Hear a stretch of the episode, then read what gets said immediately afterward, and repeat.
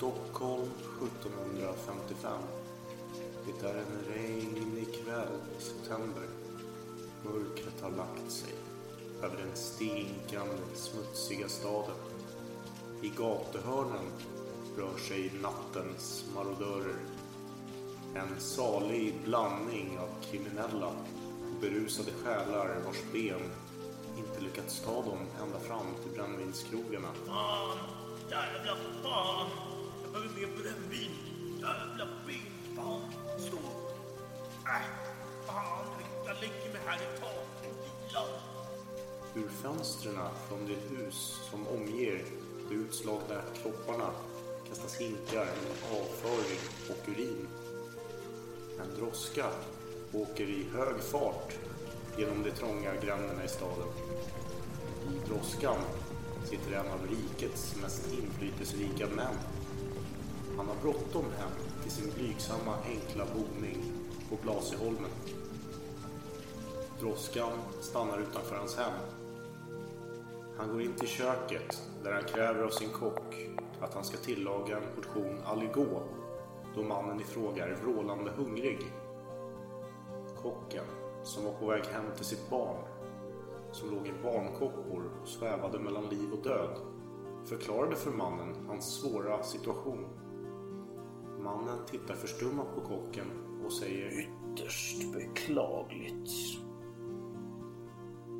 Att det ska vara så svårt att få tag i en kock i dagens samhälle som förstår att en aristokrats hunger är viktigare än en döende unge.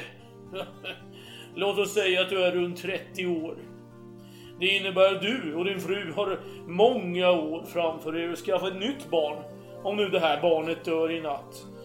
Ja, se så. Tillaga mig min mat nu, simple man. Mannen skyndar sedan upp för trapporna till det rum som är upplyst med vaxljus av finaste kvalitet. Han stiger in i rummet och möts av sin älskade två år gamla dotter som söker en kram av sin far. Bort med dig! Svarar fadern och knuffar bort sin dotter och drar fram en stol till den lilla vaggan som finns längre in i rummet. Han sätter sig ner och tittar kärleksfullt på sin nyfödda son. Mitt älskade barn. Du har hela världen vid dina fötter. Du är framavlad för att tjäna ditt fädernesland och den höga aristokratin. Barnet tittar med rynkad blick på sin far. Fadern spänner blicken i sitt barn. Jag och din mor har inte levt ett liv i överflöd enkom för att få en son som kanske kommer umgås med de lägre stånden eller bli smed. Eh, Simpla, smutsiga, vardagliga folket är din motsats, min son. Du ska inte ens gå på samma golv som dessa uslingar. Du ska inte ens utbyta en blick med det svaga, vardagliga folket. Ja, du, du ska dock utnyttja deras tjänster om du ger dig pengar i fickan. Barnet ler mot sin far. Faderns allvarliga min mjuknar upp och ett leende infinner sig. Du ska skydda folket utan att vidröra dem. Det är mycket viktigt. Det skulle föra en otrolig skam över dina förfäder. Att vara adlig innebär att vissa saker förväntas av dig. Du får aldrig svika i din lojalitet. Du får aldrig få för dig att alla människor är lika eller, eller har samma värde. Nej, nej. Varje gång som du kommer äta en grandios middag ska du tänka på de fattiga som svälter och äter kokt gräs till supé. Du ska då njuta.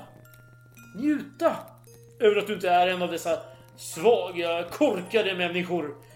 Dina ledord i livet ska vara överflöd, fortplantning, rikedomar och lojalitet. Din adliga lem kommer glädja många flickor. Men glöm inte att du måste gifta dig med en flicka som har samma status som du. Eller ännu högre. En prinsessa kanske. Pappan ler stort över tanken. Modern kommer fram och klappar sin makes peruk och berömmer hans pedagogiska ådra. Längre bort i rummet sitter den tvååriga flickan och gråter. Föräldrarna verkar inte höra tårarna utan tittar ner på sin nyfödda son. I vaggan ligger det nyfödda barnet och tittar med stor blick på sina föräldrar. Från den här stunden visste han att han var ämnad för något stort. Mitt konunganamn skall vara Karl den sextonde Gustav. We shall never surrender. allen Zeiten nicht die Mehrheit! Kom inte med en sån jävla provocerande och aggressiv ton mot mig. Där har våldet triumferat. Ask not what your country can do for you. Ask what you can do for your country. Ska vi verkligen öppna en till flaska? Ja, vad fan har du att välja mellan? Skål, ta mig fan! I have a dream. Ah, I see you look at your leader. And I too look to you, Paul Bauma. It's one small step for man, one giant leap for mankind. Välkomna till avsnitt 15 av Salongsberusad historia. Er guide i historiens dimma. Och ikväll ska vi snacka lite om Fersen. Äntligen får vi gå igenom hela hans liv. Inte Igen? Ja, vi, nej, vi pratade bara om hans död senast. Men nu ska vi prata om allt annat innan det. Precis. Innan vi börjar så vill jag bara säga någonting allvarligt. Mm. Eh, Min mormor som jag tyckte mycket om somnade in i natt. Och jag känner att det vore respektlöst att dricka och ha trevligt utan att först hedra hennes minne. Så jag vill utbringa en skål. Oj, beklagar. Skål. Till dig mormor.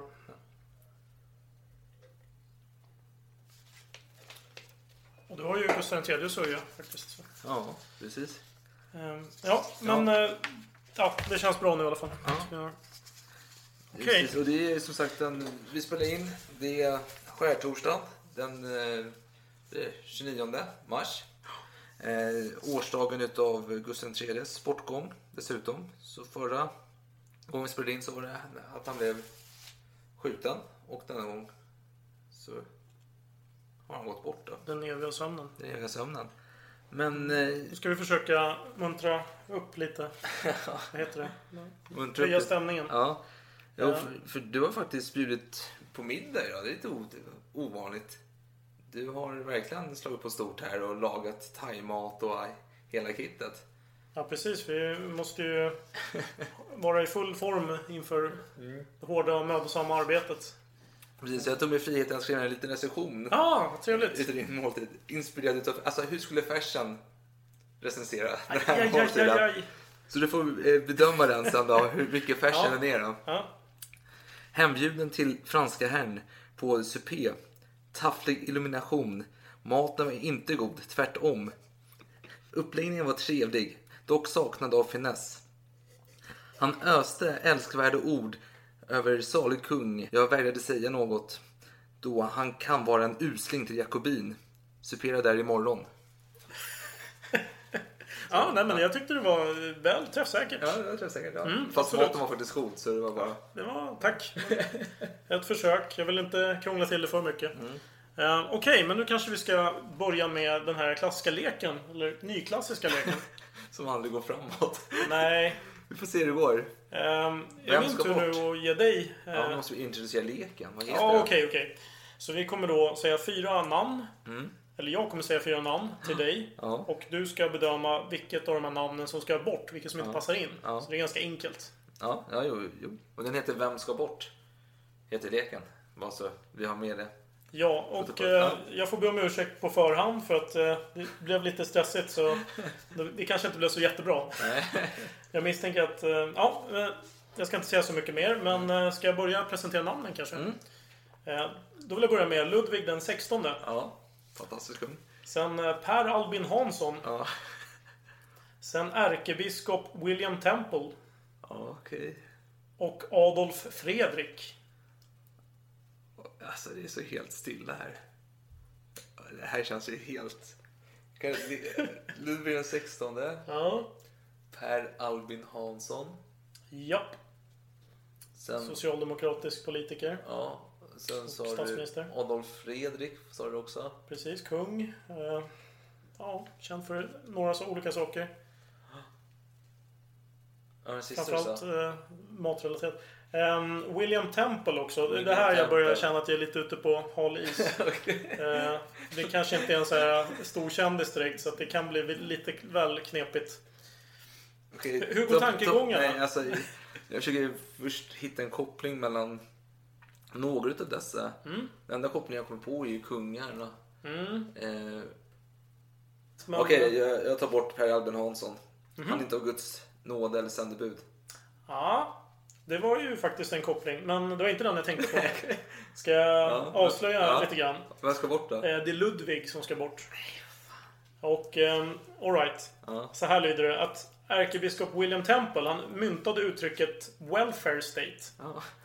Sen har du ju Per Albin Hansson, folkhemmet. Ja. Och eh, Adolf Fredriks valspråk var Statens välfärd är min välfärd. Så den tyckte jag ändå var okej. eh, Ja, det var bra. Fast Temple var svår. Jag, jag ber om ursäkt som Ja, sagt. nej, nej, men absolut, den var bra. Den var bra.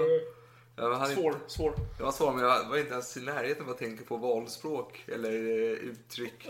det blev inga ord. Ja, men det var bra. Det var bra. Ja, men ska vi gå över till avsnittet då? Eller har du något mer på dagordningen?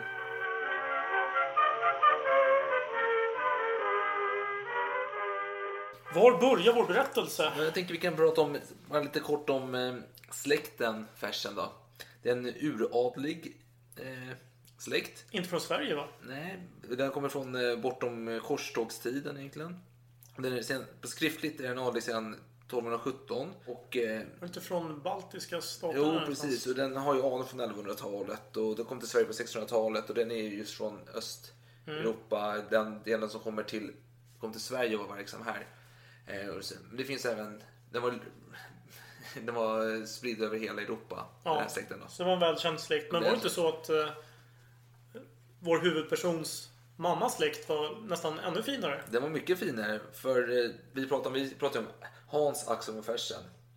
Och sen har han eh, sin pappa Axel von Fersen, Fredrik i förnamn. Och han var gift med Hedvig de la Gardie. Och de la Gardie är en fransk fin adelsfamilj som kom till Sverige på 1500-talet tror jag. Och, eh, men det var så att Fredrik var ju inte först i linjen i sin familj. Utan han, han hade en storebror som var aktiv som hette Karl Reinhold Fersen. Och han var en riktig teaterapa. Han älskade underhållning och dryck och allt sånt där. Och han var riktigt dålig på ekonomi. Så han brukade till och med låna pengar av sina betjänter för att betala skulder. Och så då fick eh, lillebror Fredrik, Fredrik Axel ta över ansvaret för släkten och bli huvud, Huvudman. huvudman. Då. Och de fick, Fredrik Axel och Hedvig de la Gardie, de fick ju fyra barn. Först ut var Hedvig Eleonora, kallades för Hedda. Och, men sen så kom ju en eh, son, vår huvudperson, Hans Axel von Fersen. Han föddes eh, 1755.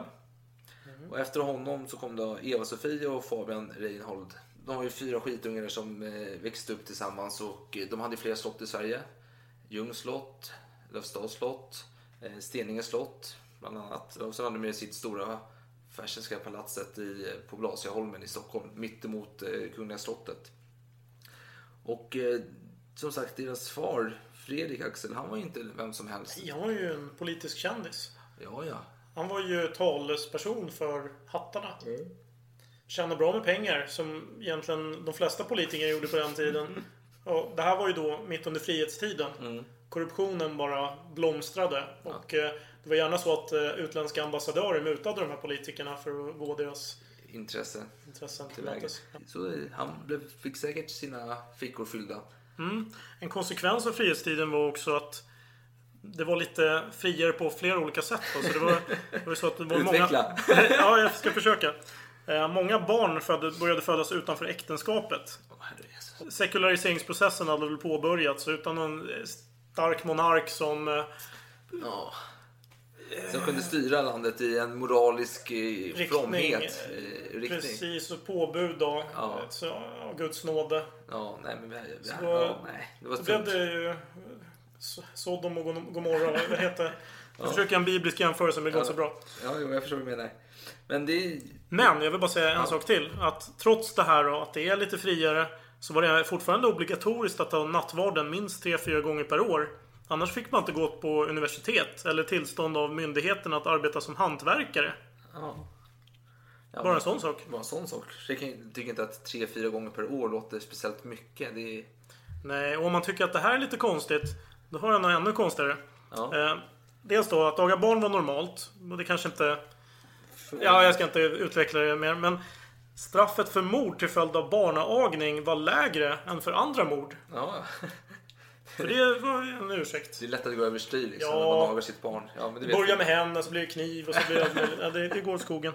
Ja, det spårar lätt ut. Just det. Och eh, klädmodet, det var franskt. De flesta bar standardplagg. Eh, väst, rock och byxor. Och det slösades rejält i hovet på att följa de senaste trenderna från Paris. Folk bar de här perukerna som var ju från eh, Ludvig XIVs tid såklart. Som han tappade allt hår och det blev mode. Eh, och det ansågs praktiskt. Eller som du säger, modet var ju dyrt på den här tiden. Det, och det kommer ju ha en påverkan i framtiden då. Eh, när Gustav III tar makten. För nu är det så här, Adolf Fredrik är kung, han har inte speciellt mycket makt. Vi är en ganska kungafientlig tid i Sverige. Eh, från envåldshärskare har kungen blivit en liten mes som blir hopkastad i alla hörn och kanter och mobbad. Man, man stämplar hans papper. Ja, Han får precis. inte ens skriva under Han får inte skriva själv, under, liksom. han har inte ens den äran. Men eh, han har ju en son då, Gustav III. Som kommer sedan 1772 genomföra en statskupp då. Och, eh, Bara ett år efter att han tillträdde. ja, och han lyckas. En oblodig eh, statskupp då. Revolution. Ja, och då blir det så här att Axel von Fersen den yngre, han växer upp där 1755 föds han. Och fram till 1772 så är kungen en liten mes här. Som inte har något reellt inflytande. Men han är ju son till en av de största politikerna i Sverige. Man kan ju tycka att han borde utveckla en liten kungafientlig ådra här i sig. Men nej, han går emot sin far. Han är royalist ut i fingerspetsarna. Vid 14-15 års ålder i alla fall så måste han ju ut och utbilda sig, den unga pojke Axel. Han kan inte sitta här i Sverige som är ganska sunkigt och Nej, han han, gör som alla ungdomar gör idag. Han åker på sin eh, spring break-resa. Precis. En utlandsstudie till här varmt exotiskt land där man tar CSN-lån på några hundratusen för att sitta och spela gitarr och röka marijuana och Precis. bara se cool ut och Man- lägga upp Facebook. Man, man jobbar på pappret en timme per vecka eller någonting. Ja, är tragiskt. Ja, men fall, men han gick det på en riktig utbildningsresa. Som, eh, där han skulle lära sig flera ämnen och språk. Och han talar ju tyska, italienska, franska, engelska, svenska, latin. Och visst, de här språken kommer ju utbilda sig under den här resan då. Men det var de han kom att tala sen i vuxen ålder. Och han hade med sig en informator från Bollemani Och de åkte ner vid Helsingborg över till Köpenhamn och Braunschweig. Och, och du kanske undrar nu, hur såg ett dagsschema ut för denna unga pojk då? Man skriver han kanske om det själv? Eller? Ja, han gör det. Jag tänkte att du skulle säga ja, jag längtar. Ja, jag vet inte. Okej, ja, så här ska jag i alla fall. Schema. Klockan sex på morgonen steg jag upp, förrättade min morgonandakt, klädde mig. Så läste jag över min tyska och historia. Klockan åtta gick jag till ridhuset. Klockan tio till professor Movillon. Klockan elva gamla tidens historia samt onsdag och lördag hos professor Gautner för tyska språket. Klockan halv ett åt jag middag. Klockan två hade jag min språklärare. Klockan tre min lärare i klaverspel. Klockan fyra gick jag på min fäktlektion. Resten av tiden ägnades åt promenader eller läsning av någon trevlig bok. Klockan halv nio åt jag kvällsvard och lade mig klockan tio. Ordning och reda. Det känns som ett ganska hårt schema. Tänk dig dagens ungdomar, om de ska få något liknande, de skulle ju gråta. Ja, han skulle beklaga sig så skulle rektorn få sparken och lärarna få sparken. Och Ja. Allt vad det kan vara. Och sen fick jag, alltså eftersom att han kommer från en fin familj. Det är en toppadel i Sverige. Och hans pappa är känd i hela Europa och hans mor lika så. Så när han kommer ut där får han ju träffa alla kungligheter. Och eh, nu är det så att eh, han får besök utav hertig Karl, sedermera Karl XIII, Gustav IIIs bror. Och han ska visa honom runt i Braunschweig då. Och som tack, vilket han gör, och som tack för sin insats så får han sin första svenska militära grad. Och Det var ju en så stor insats. Han måste få en medalj för det. Korporal vid livregementet till häst. Och eh, tack var sin fars eh, kontakter får han även en fransk utmärkelse. Löjtnant à la suite i franska regementet Royal Bavière. Och eh, bara för att förklara alla suite är då ett eh, franskt uttryck som betyder i följden. Efter någon. Och det används eh, för att säga att man har en officiell titel men inte någon eh, befäl egentligen. Nej, okej. Tack, det visste inte jag. Tack. Men sen efter Karl XIII, Så hederstitel. ja, efter Karl XIII då, efter regn kommer solsken för då kommer Gustav och Fredrik. Gustav är alltså eh, kronprins, Gustav III. Och Fredrik är Europas vackraste prins enligt många rykten. Eh, han kommer dit, eh, Gustav och Karls bror då. Och Karl har ju åkt iväg nu, men de andra kommer dit. Och nu är det fest och party här liksom.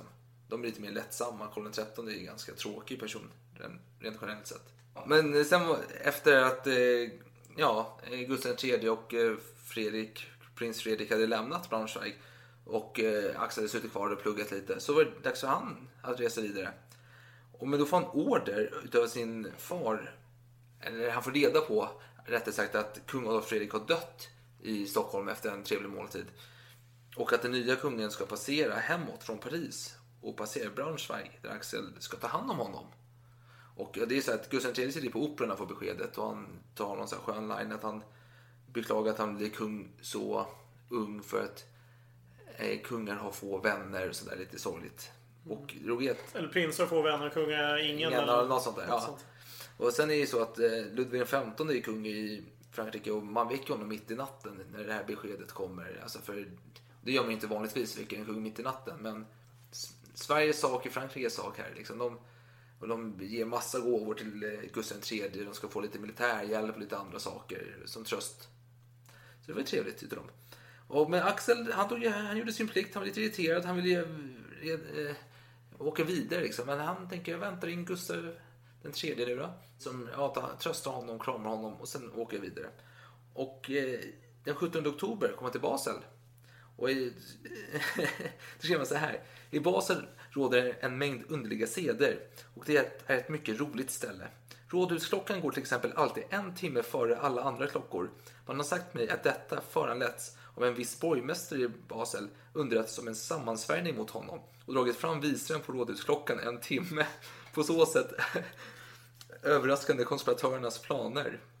Dans är icke tillåtet i Basel, utom då husfaren spelar fiol eller sedan man har varit ute och åkt på släde. Alltså fy fan vad dåligt. det är ganska skönt. Om, om rykte går på stan att han har gjort det där. Och då... Som om inte konspiratören själva skulle höra det och som om de kanske inte hade fickur eller någonting. Fan. Jag tänker, Nej, ändå, jag tänker jag ändå att det här hände tidigare. Ja. Det hände tidigare och ligger kvar liksom som en rolig historia. Ja. En skröna. Ja. Det är roligt med skrönor. så kommer man till Strasbourg och Genève. Genève är ju någonting du alltid älskar att ta upp. Genèvekonventionen, du pratar alltid om den utan någon konstig anledning. Jag vet inte varför. Och eh, alltså, han var ju, åkte runt vidare han, till Turin och Rom och Neapel och Milano och så här. Han kommenterade sin Italienresa som att kvinnorna i Milano var ej vackra och dessutom mycket illa klädda. Smaklöst och slarvigt. Vilket är vanligt i Italien, förutom i Turin. Det var 1773 då. Och det vi glömde nämna var att han fick träffa Voltaire under den här tiden.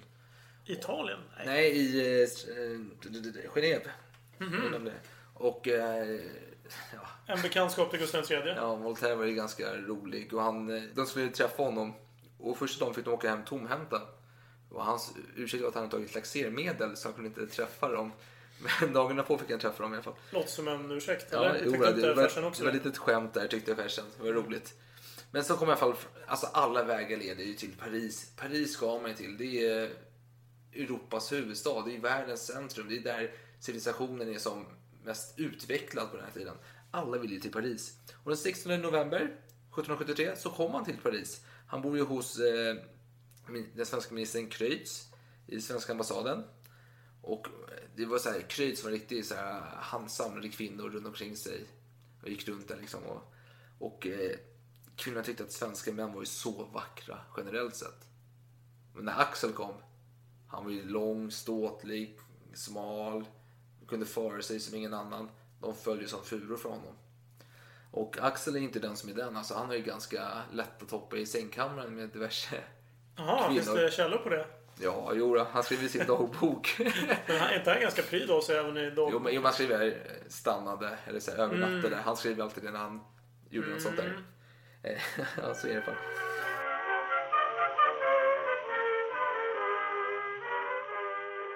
Alltså det är roligt i Paris, men det finns mycket nöjen och glädje man kan göra i Paris. Du går ju på teatrar, operor hit och dit, baler. Så den, eh, han skulle på en bal och beställt en eh, frack. Och den kom ju aldrig på kvällen utan han fick ju vänta, vänta, vänta. Till slut kom den typ 10 på kvällen. Då sprang han direkt till balen. Och så eh, hans notiser i dagboken är lite besviket. Alla dessa damer i tyll och taft, ej alls vore glädjeflickor, utan damer ur den finaste societeten. Jaha, så de klädde sig vågat. Men det var väl det parisiska modet antar jag. Men sen i alla fall, man, är man i Paris måste man göra någonting annat. Man måste ju träffa kungen. Det är viktigt. Den här tiden var ju kungen Ludvig XV som vi nyss nämnde. Och i januari 1774 fick han träffa honom. Och han träffade Marie Antoinette på en bal strax därpå. För hon var ju då gift med kronprinsen. Ja, Ludvig den senare Ludvig den XVI. Och de konverserade ett tag då. Ut, och hon visste inte vem det var. Och han visste inte vem det var. De stod och pratade liksom. Han var ju huvudet längre än alla andra på istället. Men, och sen började det samlas människor runt omkring dem. Och så, oj, det här var visst kronprinsessan. eh, Marie Antoinette. Och då försvann hon därifrån och han var lite, ja, jag tänker Amors, Starstruck. ja, Amors pilar eh, träffade rätt första gången Ja. kanske. Men sen så blev det så här, 10 maj så dog ju Ludvig XV lite hastigt och lustigt. Och eh, ja, så var det, nej, han hade i och för sig en längre sjukdomsperiod. Men i alla fall, han dog. Och Ludvig den 16 och Marie Antoinette ju nu Kung och drottning. kung och drottning. Regerande. Och det är kul för Fersen. Är det det? Nej, för han skulle lämna två dagar senare och åka till London. Och eh, då kanske man undrar vilket... Oh, London. Ja, det är inte, han är inte Taffligt. positiv till London. Han har, har han varit där förut? Nej, det är första gången han ska dit. Men Paris är som sagt centrum. Alltså rent tekniskt sett Ja, borde man ja, lagt ja. till Paris sist Ska på vi resan. försöka göra en nutidsreferens? Okej, Ja. du ska till... Du ska till Miami och sen blir ditt flyg inställt så du får åka till eh, Bratislava istället. Ja, jag tänker mer så här. Du åker till Miami, är Ja. där i två veckor. Mm. Och sen ska du avsluta din semester genom att vara tre månader i Bratislava. Ja, Ja, ja, ja, alltså, Men det, det är modern. Istället för att vara två veckor i Bratislava och sen tre månader Det är i lättare att förstå ja. tycker jag. Ja, okej, För. London är inte så dåligt nu liksom. Mm. Men han lämnade ett intryck efter sig, den gode Axel. Sen skriver ambassadör Kreutz då, till- hem till Gustav III. Hela. Den unge greve Fersen har just rest till London. Av alla de svenskar som varit här under min tid är han den som blivit bäst mottagen i den högre societeten. Han blev ytterst väl behandlad av den kungliga familjen. Det är omöjligt att ha ett mer passande och ädelt uppförande än han visat. Med ett så fördelaktigt yttre och inte kunde han inte annat än göra lycka i societeten. Det gjorde han också fullt ut. Ers Majestät kommer helt säkert att bli mycket nöjd med honom, men det som framför allt kommer färsen bli er värdig, er välvilja och hans snåblock ovanliga upphöjda tankesätt. Det här är ändå fina ord för en så pass ung kille som är 19 år. Tycker det låter som någon som följer etiketten till punkt och pricka och är väldigt noga med det. Det, är ju, det är ju perfekt undersåte som sköter en- enligt det reglementet som finns.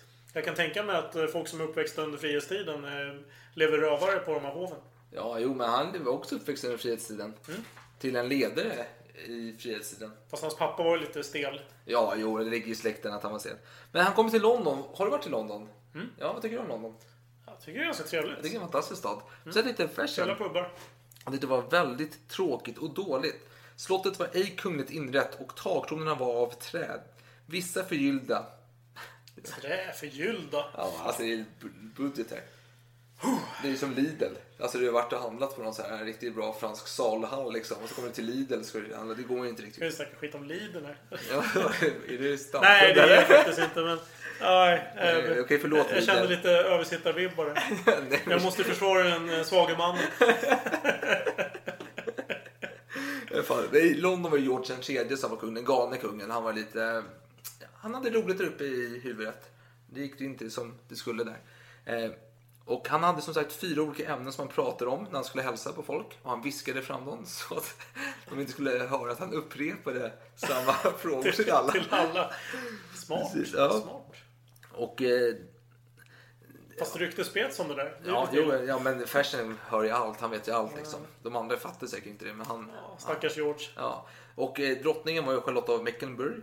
Och eh, Fersen skrev henne så här. Ful men älskvärd. Mhm. Och hon kallades också för apansiktet utav sam, samtiden. Så, ja, aj, aj, aj. precis. Elaka människor. Ja, men han var i alla fall fyra månader i London och bodde vid Suffolk Street.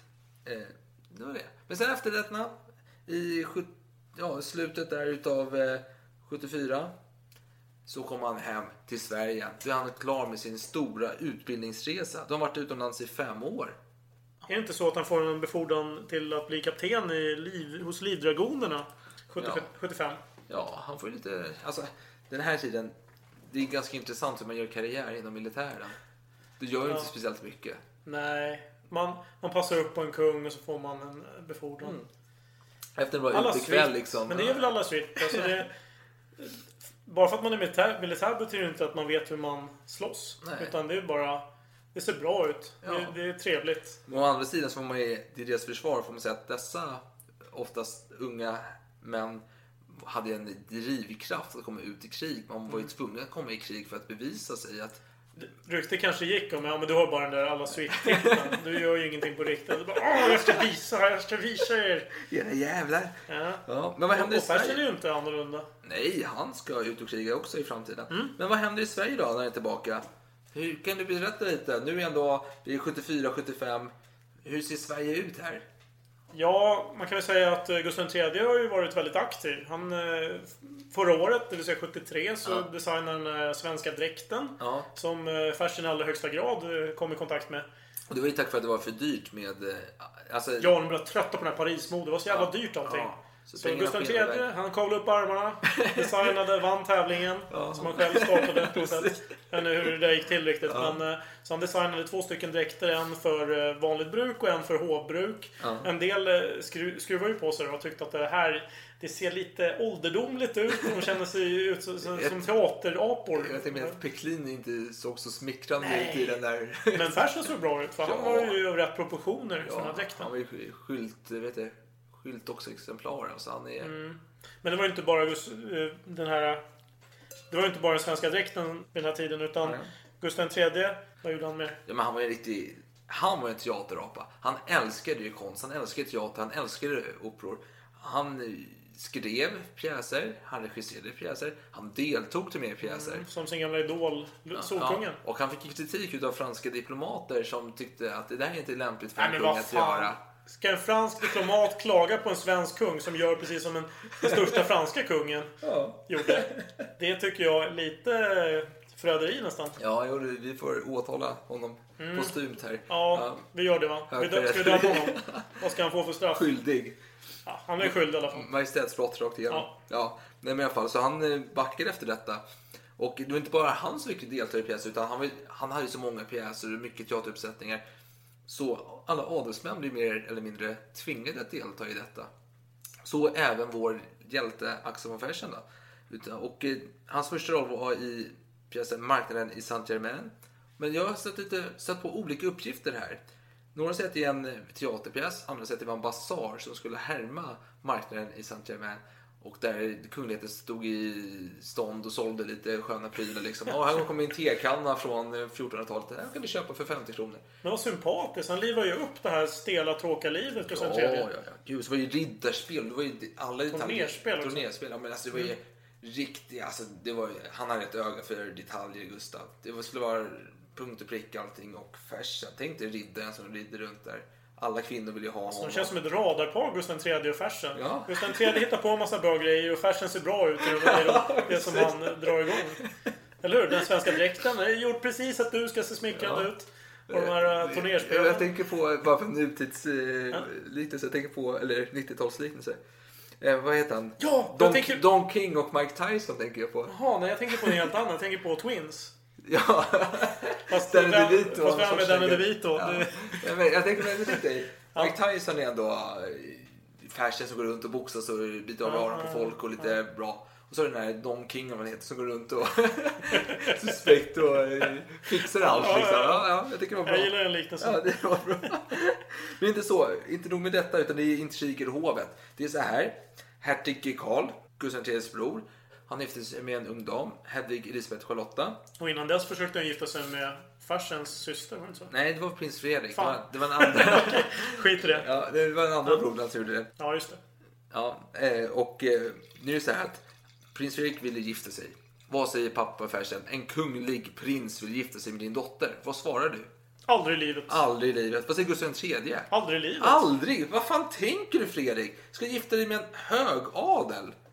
Men vad fan! Det är lika otänkbart som att en ofrälse skulle sitta vid samma bord som en adelsman. Ja, herregud! Gift dig med en riktig royalitet! Alltså, Gustav, han vill ha riktigt blod. Han vill helst säkert ha en Vasa i släkten till. Ytterligare en Vasa-koppling. Han lever ju på Vasablod. Han har ju gjort operan med en Vasa. Liksom. Ja, men alltså, han vill ju ha det här, stärka sig själv. Pappa Fersen, han är lite så här avvikande. Så här, Nej, det lämpar sig inte nu. Och Fredrik håller på så här hetsar hela tiden. Han ståker liksom. Och vi kan säga att slottet och Det är, de, de har ju kontakt, fönsterläge, de är mitt emot varandra. Så Fredrik stod med en lite så här handduk bara, "Woho!" Fredrik hade nog några lakejer också som hjälpte honom att trakassera den här stackars kvinnan. Jag tänker mig så här, han är så här omvänd fönstertittare. Han stod säkert sen, oj, naken i fönstret när du var på andra sidan. Typiskt. Han ser till att byta till sig rätt rum så är det precis motsatta sidan Ja, han gjorde det. bor. Han gjorde det? Ja, ja. Eller mer eller mindre, de hade ju fönster mot varandra. Ja, Oj, var det en slump? Ja, jag, jag tvivlar. Men i alla fall, när han åkte ner då, den här prins Fredrik, han var väldigt vacker, vad jag säger. Han var väldigt snygg, stilig herre. När han åkte ner till Skåne, då passade pappa på. Fan Sofie, gifte med Piper! Och eh, ja, Det hände. de, de gifte bort. Så hon blev ju då eh, eh, Sofie Piper istället för Fersen då. Helt plötsligt. Tänkt dig Fredrik när han kommer tillbaka.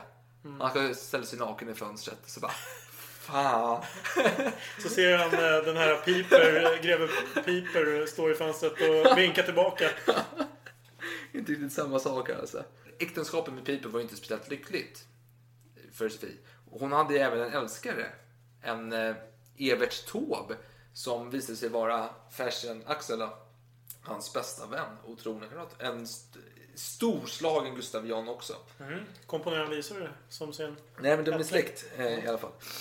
Och eh, alltså som på den här tiden, lössläppthet var ju det var en norm. Det var kutym. Du skulle ha en älskare, du skulle ha en älskarinna. Männen var svartsjuka, kvinnorna var svartsjuka. Alla visste vad deras partner gjorde. Men det stannade där. Det var lite så här. Det blir aldrig en riktig skandal utav detta. Utan detta är accepterat under Gustav IIIs hov. Enligt fransk mode.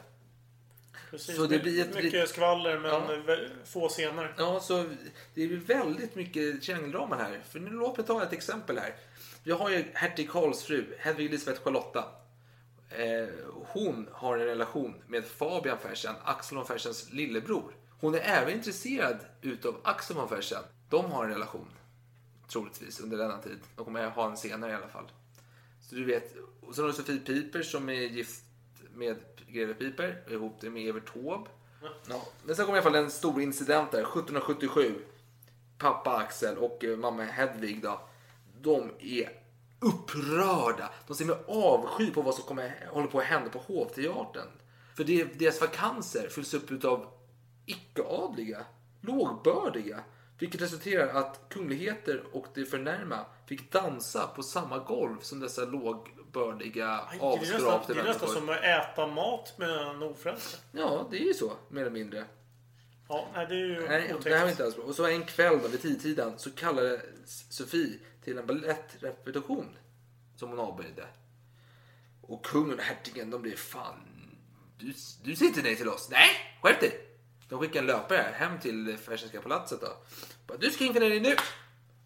Och pappa Fersen och mamma Fersen, de bara, no, no, Peppe. Min dotter går ingenstans. Du får gå tillbaka. Så löparen kom tillbaka till eh, känns lite märkligt att eh, landets högsta person kallar efter dig för att du inte är på ditt jobb. Men för den här löparen springer tillbaka till kungen och säger bara ah, nej tyvärr. Hon vill inte komma. Och hertig Karl börjar skrika majestätsbrott. Liksom. Vet du hur för fan! Och så de skickar eh, vakten på slottet över. Och vem är det? Jo det är Axel som gör vakten tjänst. Så han får gå över till sin far och mor och försöka övertala dem. Någon står på sig och hälsar att eller pappa Fersen säger jag kommer upp till Gustav imorgon och talar med honom i en rum. Vilket han gjorde också, för han kom upp till Gustav tre dagarna på och eh, förklarade att jag kan lagen. Vi har inga skyldigheter att infinna oss när du vill på dygnet. Liksom. Det funkar inte så. Så han pekar på rätt paragraf helt enkelt.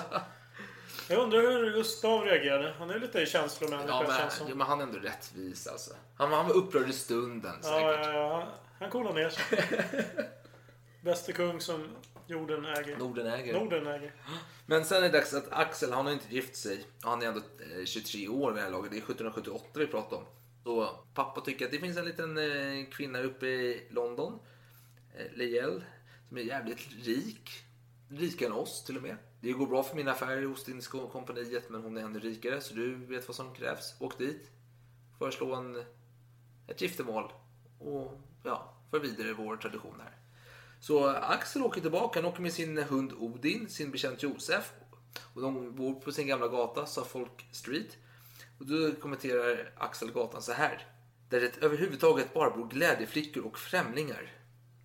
Men han väljer ändå att bo där. Helt frivilligt. Ja, och med tanke på det han sa förut om där operan där det inte Ja, var glädjeflickor tydligt utan Jag gillar glädjeflickor. Ja, verkar så. Lite skeptisk till den delen. Men ja, Mm. så kan det vara. Eh, men det blev inget av denna giftermål till Axels stora glädje. För han vill ju inte gifta sig. Han har ingen lust med detta. Så han skriver ett brev till pappa. Han bara oj, oj, oj, det gick åt helvete tyvärr. Men vi åker till Paris nu istället och hänger lite. ja, ja. Så Han åkte från Bratislava till, till Miami. Miami. Hängde där ett tag. 26 augusti då, 1779 fick han träffa kungafamiljen igen. Och då står Marie Antoinette. Åh, en gammal bekant. Och nu... Ho, ho, ho, ho. Oj, det här måste jag skriva i dagboken. Ja, Om dagbok, om igen. brev, sätter säkert upp planscher på gavlar. Nej, jag vet inte. Och han skriver i alla fall den eh, 7 september så här. Drottningen som är den vackraste och älskvärdaste av, av de förstinnor som jag känner. Hon har haft godheten att ofta fråga efter mig. Hon frågade Kreutz, alltså ambassad, ambassadören i Paris, varför jag ej kommit till hennes spelpartier på söndagarna. Och då hon hörde att jag hade kommit dit en dag när det ej varit något spelparti gjorde hon mig efteråt en slags ursäkt. Och du vet, nu, alltså man, hjärtat dunkar. Badum, badum, badum. Han vill ju, han vill krama henne, han vill ju pussa henne, han är kär. Och hon är ju drottning. Det är ju svårt. Vad ska han göra? Han får väl bli hennes älskare. Ja, varför inte? Och han har ju, någon, han har ju riktigt bra eh, verktyg till detta. Han har ju ändå en uniform. Svenska dräkten. Svenska dräkten. Och då skriver han, han skriver angående den och Marie Antoinettes... Men var det inte med att hon, han berättade för henne att eh, Gustav hade sytt någon ny dräkt? Och så börjar hon säga Ja men visa upp det, jag vill se dig i den. Hon har lite rollspel här liksom. Ja det känns som det. Var det inte så? Du får eh, rätta mig. Ja, jo, jag kommer till det. För Så var det. Sen skriver han om uniformen då, svenska dräkten. Då någon hade berättat henne om en uniform uttryckte hon sin livligaste önskan att få se mig i den. Jag ska på tisdagen gå, så klädd, ej till hovet, men till henne. Ja, ja troligtvis var det den blåa Just det, för det var den mer, vad ska man säga, alltså festdräkten. Ja, Bal, högtidsdräkten ja, var det. han var nog väldigt snygg i den blåa dräkten. Tänker rent spontant alltså. Han, han måste ha klätt i blått. Jag tänker inte de banorna men... Nej, du borde göra det. Du missar något. Okej. Eh, Jag har en del om just relationen Marie Antoinette. Den är ju väldigt central i den här berättelsen. Är det rätt tid att gå igenom vad det här förhållandet kan ha varit för något? Vad folk anser nu i nutid och... Ja, Om det- kör. Eh, Jag har ett gäng lösryckta citat från Ja. en massa olika böcker. Vi ska börja med Stanley Loomis, född 1922, dog 1972. Mm. Författare med fokus på fransk historia. Som skrev boken The Fatal Friendship, Marie Antoinette, Count Fashion and the Flight to Varennes. eh, Från 1972. Mm. Och eh, han sa då De var kära och kan ha haft en natt ihop. Okej. Okej, jag fortsätter. Sen har vi då eh, Evelyn Farr. Ja. Eh, historiker och författare. Som skrev boken The Untold Love Story, Marie Antoinette and Count Fashion. Från 1999. Hon säger De levde tillsammans. I den boken. Men hon skrev också en bok från 2016 som heter I Love You Madly. Och då kanske du börjar komma och tänka på Utställningen, utställningen med samma namn. Och det här citatet det kommer ju då från ett av de här breven som man då uppdagade just där kring 2016. Där eh, Marie Antoinette skrev det till Mm. Fashion. Och den här utställningen i Rustkammaren var i oktober 2017. Vi var ju där på premiärdagen. Ja, det var, det var en ganska trevlig Ja, utställning. Inga så jättenya saker men... Nej, jag fortsätter. Ja. Eh, Hilaire Belloc, Ja. en kristen anglo-fransk historiker, poet och produktiv författare som skrev boken Marie Antoinette från 1909. Han Ja. sa bara vänner. Ja, det är intressant för jag läste en bok, bok nu här, Mm. En drottnings riddare, Axel von Fersens liv då, utav Mildred eh, Carnegie, eller jag vet inte, Cagney eller sånt där. Jag kommer inte ihåg namnet exakt, men den är från 1917, 14 någonstans där. Och då är man också helt övertygad att det var bara platonsk Mm. eh, vänskap eller kärlek. Det var, de, han var en riddare, han gjorde ingenting. Nej, jag har många fler sådana citat. Det verkar vara den tidsandan, tidigt 1900-tal, då hade man den. Sen är det så också att eh, mycket av delarna i hans dagböcker och brev var överstrukna. Just det. Eh, för blivit censurerade utav efterlevande då.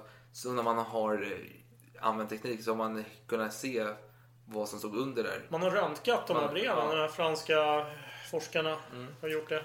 Och det var ju det som då var till grund för de här, den här boken I Love You Madly från 2016. Ja. Med de här dolda texterna.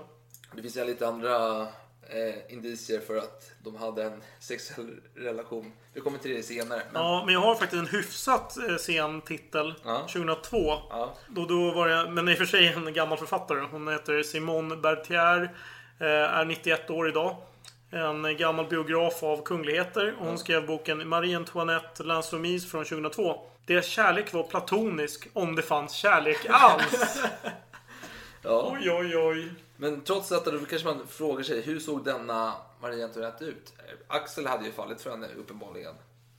Eh, men, men vi låter en av hovets 158 parser berätta sin bild av Marie. Låt mig citera. Jag har hört mycket om denna förstinnas skönhet och jag medger att jag aldrig fullt har kunnat dela denna uppfattning. Hennes ögon vore icke vackra, men kunde antaga alla slags uttryck. Välvilja och motvilja avspelar sig i hennes blick mer deciderat än jag sett hos någon annan människa. Jag var inte säker att hennes näsa var sådan att den passade in i hennes ansikte. Hennes mun var påtagligt osympatisk. Den tjocka överläppen, vilket ibland hängde ned, har blivit omtalad såsom det som gav hennes ansiktes uttryck av ädelhet och säregenhet. Men den passade ej för annat än att måla vrede och ovilja, vilket ju egentligen ej är det rätta uttrycket för skönhet. Hennes hud var underbar och likaså hennes axlar och hals. Hennes barm var en smula för fyllig och hennes växt kunde varit elegantare. Men jag har aldrig förr eller sen i mitt liv sett så vackra armar och händer. Ingen människa i världen har någonsin gjort en bugning med en sådan gras. Hon kunde hälsa på tio personer med en böjning på huvudet. Med risk att misstaga mig vill jag säga att medan man bjuder andra kvinnor på en stol var man alltid benägen att till henne skjuta fram en tron. Jag är lite småförälskad i den här beskrivningen ändå. Mycket balanserad och så målande. De var ju väldigt duktiga på att Ja, men alltså, beskriva. det, det är så mycket sågande i första... Ja. Vilken så här- kappavändning. Men jag tänker så här, han kanske inte skriver så här, fy fan vilken jävla hagga liksom. Så, Ja, men det är ju så man gör idag. Man är så endimensionell. men sen här har nätroll liksom. Men han, var- han började som ett nätroll, så blev han påkommen. Nej, tror du det? Det ska jag tillägga. Du förstör ju hela den där Nej, härliga... nej då. Men du, du kanske man undrar deras relation. För han framstår ju ändå som en riddare här. Han blir ju ändå den här mannen som alltid kommer finnas vid hennes sida. Och i olika tidsepoker har man ju haft olika bilder av hans roll då. Om han varit eh, ja, mer sexuell partner eller om han varit en riddare som har skyddat henne. Men en fransk historia beskriver detta så här. Han sökte aldrig lys eller behaga, han lyste osökt. Den fullkomligt enkelheten och värdigheten i hans hållning skilde honom helt och hållet från de andra aplika förkonstlade och ytliga hovmännen. Han medförde till det franska hovet något som då var nästan fullständigt okänt där, nämligen naturlighet. Med fara att anses löjlig och gammalmodig hyste han verklig aktning för kvinnan. Okej. Ja, ja, han ja. kanske var en modern man helt enkelt. Vill du kommentera mer? Alltså, jag tänker att Nej, men nu... onaturliga franska hovet, vad vill du säga om det? Nej, men de kanske var ögontjänare mer. Och Fersen var... Han var likadan i alla stationer möjligen. Ja. Sen kanske han var stel i alla stationer. Det kanske var... det var kanske hans naturliga tillstånd. Men de här apliknande... Ja, vad vet jag hur de betedde sig. Nej, jag kan faktiskt inte kommentera på ett bra sätt. Nej, men det är så här att Marie hade ju något mer. Hon hade ett S i bakfickan. Hon hade ju en liten lustgård. Just det. Trianon. Trianon. Och där satt man... Vill du berätta lite om Trianon? Jag har ju bara rykten. Nu vet inte, nu har inte jag någon källa på det här men Mm hon ska ha anlitat någon porslinsfabrik för att tillverka någon skål formad efter hennes bröst som Mm. folk drack eh, mjölk ur, var det så? Ja, precis. Eh, och Eh, sen hade de en massa fåra med rosetter. Ja, och det var den lantliga idealen som man lyfte fram så där. man hade en lakejer som skulle låtsas vara bönder liksom. Ja, man gick runt i det enkla livet. Men det fyllde ju en väldigt viktig funktion. För vid slottet då var ju allting stelt och det var ju hela tiden formaliteter. Mm. Vid Trianon kunde hon ju leva normalt. Hon kunde göra precis vad hon ville egentligen. Ja, så var det ju. Det var ju inga etiketter där. Men ju angående det här med eh, glaset mo- modellerat efter bröstet, hennes bröst, då finns det de som säger att det där är inte alls sant. Att detta, att det skulle aldrig denna österrikiska eh, för det har vi inte ens nämnt. Hon kommer från Österrike för guds skull. Och österrikiska hovet är jävligt stelt hov och religiöst hov. Eh, Franska hovet är stelt rent... Ser, Alltså, ja, Solkungen var ju väldigt religiös. Jag vet inte hur det ja. var hur, under Ludvig XV. Det kan ju inte ha varit bättre, äh, sämre än hos... Nej, alltså, nej precis. Så, Han var ju så otroligt... Eh, eh, han... Eh, det var ceremoniellt i franska hovet. Det var mycket ceremonier ja, jag, och jag tänkte olika- på det här med religiositeten. Ja, men det var ju mycket i eh, österrikiska. De var ju stela, tråkiga på så sätt. Mm. De var inte lika eh, underhållande. För Solkungen eh, upphävde ju den här Nant... Edikten. och förvisade alla protestanter. Ja. Så att han var ju otroligt religiös. Ja, ja, Men nu, nu pratar vi flera generationer senare. precis. Okej, ja. jag, jag kan inte bedöma om det var mycket stelare. Men det var säkert jättestelt. Man, man tänker tyskar idag, de är Ja, väldigt stela disciplinerade och Nu var stela. jag österrikare, men det Ja, men det är samma, samma sak. ja, skitsamma. Mm. Men de, alltså, det som är att det var ju glasformade efter kvinnobröst och Mm. ur dem drack man mjölk. Man levde ett lantliv. Rosetter, får. Det fanns massa grottor där man kunde åka och förlusta sig i med sina båtar. Ja. Och det här passar ju väl in i eh, ja, senare då, under senare år när de inte alls var populära. Ja. Att eh, pöben eh, målade upp en nidbild av Marie Antoinette. Och då passar det här väldigt bra in i den bilden då. Att Mm. hon eh, förlustade sig och att hon var väldigt... Ja, hon Ja, har som en sköka, liksom. Ja, precis. Men och nu blir ryktet börjar sprida sig om eh, Axel och eh, Marie. De umgicks lite för ofta, sågs med varandra hela tiden. Så börjar ryktet sprida sig och Axel han är, han är en reko kille liksom. Så han tar ett steg bakåt och han vill inte utsätta henne för någon dålig situation. Så han backar undan och lämnar hovet.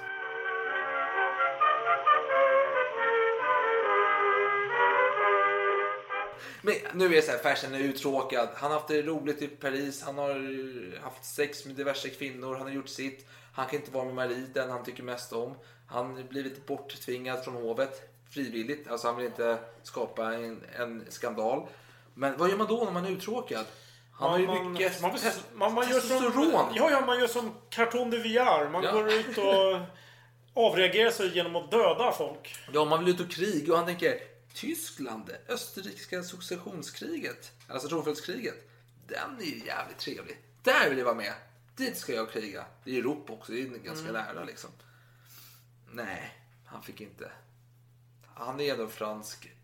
Ja, han har ju militära grader i franska armén så han kan ju åka ut och hänga lite med grabbarna ute i fältet. Liksom. Alltså i deras eh, träningsläger och hänga lite. Träningsläger, är det. Träningsläger. Jaha, träningsläger. Och där får han höra att du, du, du, vi har ett krig på gång mot eh, britterna i USA. vi behöver lite folk här. Är du sugen? Och han är oj, oj, oj. Det är en lång resa. Ja, Det är inte bara en flygresa på 24 timmar. nej. Det Och är... han blir adjutant där och han hoppar på tåget, eller båten. Så nu är det dags för honom att ge sig iväg till frihetskriget. Och eh, han ska ju vara under, detta sker alltså mellan 1780 och 83 och han är under greve de Rochambeau. Åh, Rochambeau. Han är ju en big shot där i Ja. franska armén. Men, men, ja. Och han får träffa honom och Rochambeau pratar mycket om eh, Axels pappa och vill höra mycket om honom och öser älskvärdheter. Han, det vill säga han har mutat Axels pappa. Han har alltid varit medgörlig. Till skillnad från de andra adelsmän. De tar bara pengarna och gör inte det de ska.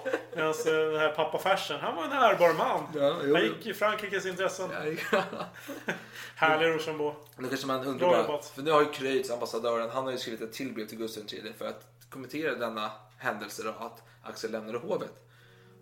Jag vill anförtro ers majestät att unge greve Fersen har varit väl sedd av drottningen att detta har blivit anledning till mycket skvaller.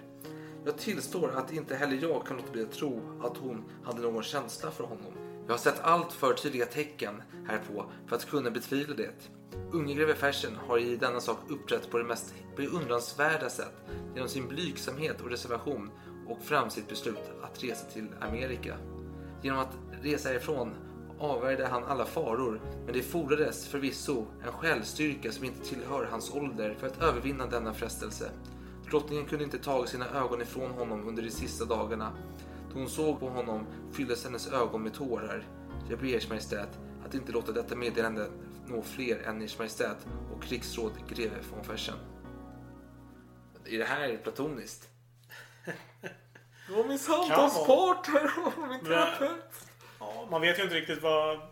Dels vad Fersen själv hade för aptit eller Marie Antoinette. Fast hon var ju för sig ganska nöjd över att fullborda äktenskapet efter typ sju år med, med Ludvig XVI. Ja. Har jag för mig. Ja, jo. Ja. Ja, men nu ska man i alla fall ut och kriga. Åka över andra sidan havet.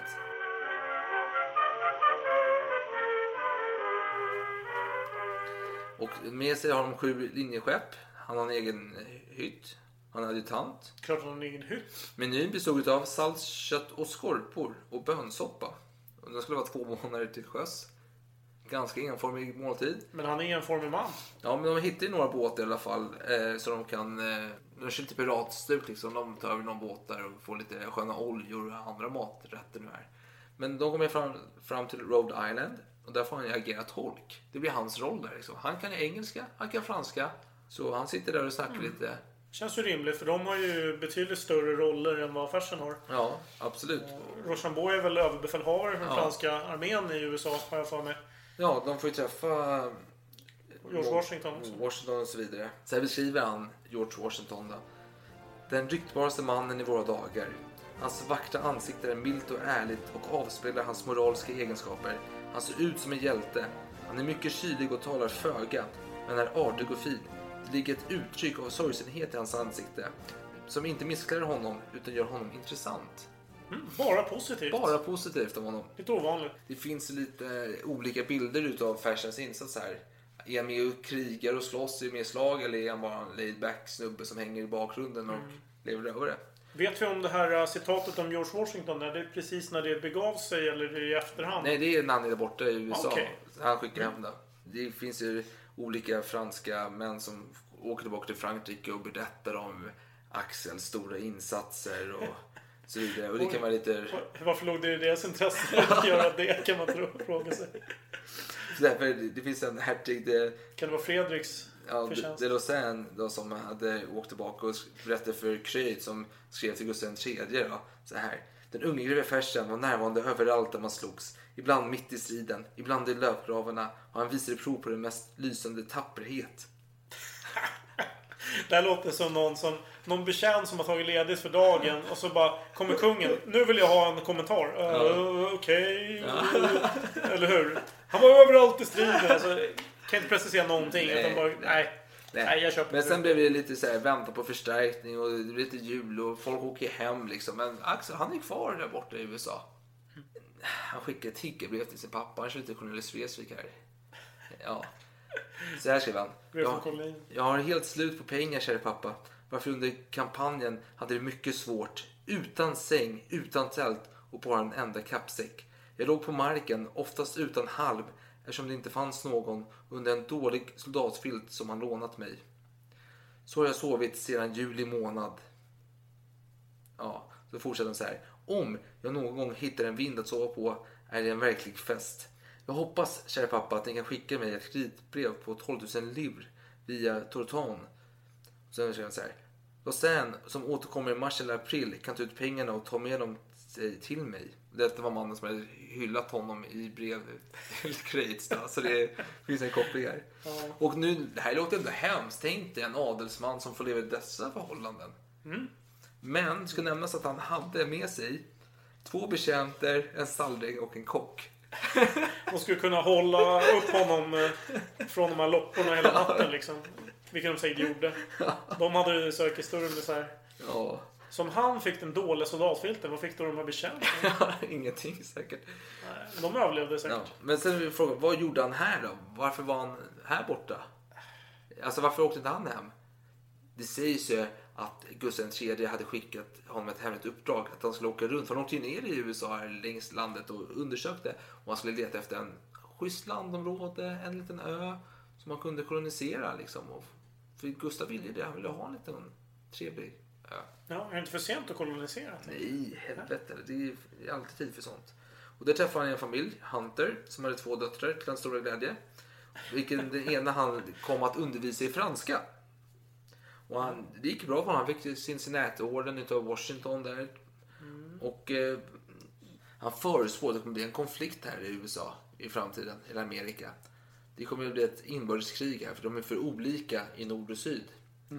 Och det blev det ju Profetiskt. profetiskt nästan hundra år senare. Då. Och han börjar även röka här nere igen. Alltså han tycker det är jättetrevligt att röka och det får man ju ändå i. Ja, vad är det han röker? Cigaretter, cigarrer, pipa? Nej, jag hoppas inte cigarrer.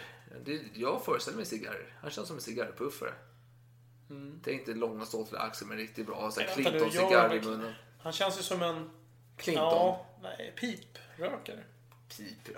Alltså har du sett någon sexsymbol röka pip? Jaha, okej. Han tänker på sin image. Ja. Det gör han säkert, ja. Ja. Ja, med cigarr. Cigarr. Det är lite Arnold-smilet där Ja, med jag, cigarr. jag tänker Clinton alltså. Clinton? Clint, du menar Clint Eastwood? Clinton? Menar du presidenten? Bill? Vi, vi, vi stannar här, vi går vidare. Okej. Eh, julafton 1782 går på båten Brave tror jag den hette. Och den åkte på, eh, till Frankrike. De åkte från Boston via Venezuela. Och sen till Frankrike då. Och det var varmt som fan här. Så eh, han skriver så här på vägen hem. Värmen här är mycket stark, men jag uthärdar den någorlunda och jag begagnar fortfarande en med ylle fodrad klädesdräkt då alla de andra bär linnekläder.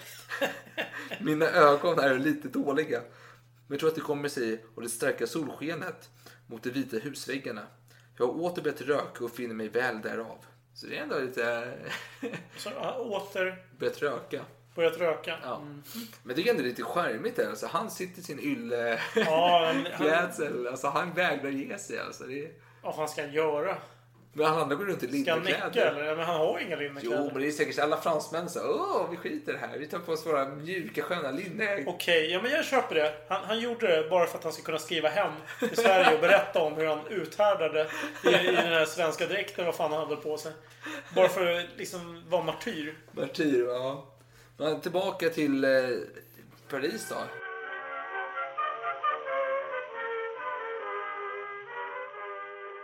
Det är 83. Marie sitter säkert, hon kör säkert mycket harpa på fritiden, tänker jag. Hon måste sitta där och köra lite sköna ackord liksom. Mycket Lite musik, mycket broderier. liksom. Ja, Det är väl ja. det ålders och eh, kungligheter. Ja. Kvinnliga framförallt. Och då kommer färsen tillbaka och man bara hör liksom, tänker mig, hur hennes bara haka åker ner i marken. Bara, och så här, hjärtat slutar slå och de får göra så här, första hjälpen på henne någonting. Sett, jag får Du, en du, bild du där. tror inte att hon får veta i förhand att han kommer? eller? Nej! Nej! Jag, han, jag, han jag, chockar. tänker, jag tänker mig att liksom, hon sitter Ja. där så här, kör lite harpa liksom. Okej, du tänker Kör lite, Hollywoodfilm. så här jazzackord liksom på harpan. Och så bara kommer någon och bara sparkar in dörren så står han liksom så här i svenska dräkten ylle, svettig och jävlig. Nej men så kan det nog ha varit. Hon var säkert eh, överförtjust. Jag Precis. vet inte vad som har hänt under de åren som de har varit ifrån varandra. Nej, men alltså, han skriver i alla fall ganska kort därpå ett brev hem till sin syster Sofie. Och vi ska nämna det. Fersen skriver dagbok under hela sitt liv. Eller från hans första utbildningsresa fram till hans, kort innan hans död. En av böckerna, eller några, blev uppbränd under revolutionen. Och det är kanske det, det som är mest intressant. Det är 80-talet som ledde upp till revolutionen. Och så. Talet är bra. Ja, som brändes. Ja, även 1980-talet. Exakt. Men han anförtror sig till sin syster. Väldigt känslomässig Ja. i eh, sina Det- brev till sin syster. Ja, Jag det- tycker inte han är lika i sin bok. Dagbok. Nej, i dagböckerna är han mycket mer stel, men till sin syster så blir han på lite. Sen skriver han då kort efter att han kommit tillbaka. Jag har fattat mitt beslut. Jag kommer inte gifta mig. Det är mot naturen. När det blir så olyckligt att jag har förlorat min far och min mor är det du, min kära vän, som ska förestå mitt hus. Jag kan inte tillhöra den enda människa jag skulle vilja. Det enda som verkligen älskar mig. Du vill jag inte heller tillhöra någon. Men jag, jag tycker ändå att han, han är ju Mr Romantiker alltså. Han går inte runt i någon annan Jo, det gör han förvisso, men inte känslomässigt. Alltså, han är fast vid den han har. En teori, Ja. inte så positiv då för Ja. versens del. Det är att han vet att hans syster är en riktig skvallertacka. Ja. Så att om man skriver så romantiska grejer till henne, då vet han att det kommer få fin spridning bland alla da- adelsdamer i Sverige. Ja. Så när han kommer tillbaka får han en uh, hjältes mottagande. Ja, okej, det kan ju finnas en liten sanning dit. Men även om inte jag tror på det själv då. Men, ja. Alla anständiga adelsmän måste ha ett eget regemente. I alla fall när man är så här mycket i Frankrike. Nu har han ju ändå visat sina färdigheter. Han har ju fått några medaljer. Nu, nu har han ju tillräckligt på, kött på benen för att verkligen kunna tigga till sig lite extra pengar. Ja. Och vilket regemente har han satt in sina, sin blick på? Då? Något som är lite svenskklingande va? Ja. Det är trevligt. Royal Suédois. Ja. Ett, ett svenskt kungligt franskt regemente. Svensk kungligt franskt Ja. Det låter trevligt. Ja, men det är, han Men har inte ju- gratis. Nej, han har ett problem. För det är någon som eh, har det regementet. Mm. Det är den jävla Alexander Sperre. Den här snålvargen. Ja, och han, han kan sälja det. Ja, Men okej, all, allt, okej. allt har ett pris. 100 000 livre motsvarar 56 miljoner kronor i dagens värde. Samt Serafirer med, med ordens blåa band. Alltså vad fan. Så vad, vad, vad fan driver du med mig? Det är som att... Eh, Okej, du är intresserad av min cykel som jag ska Ja. sälja begagnat. Alright. Du kan få den cykeln, men då vill jag bli statsminister i Sverige. Ja, men ministerpost liksom. Ja, Ja, ja det- ministerpost. det- Om ja. du ska sälja din cykel till Ja. Löfven. Eller hur? Ja, ja. och det är som sagt, det, Axel har inte någon förfogande över Serafimerorder. Utan det är Gustav III som bestämmer Det vem som ska få kungar den. som delar ut Ja. sådana ordensmedaljer. Framförallt den här Ja, fina. så vad gör man när man behöver lite pengar då? För han tänker ändå, vi, vi kan fixa en bra relation liksom. Så hur kan jag fixa detta? Jag måste ha pengar, jag har inte så mycket pengar. Vad gör man då?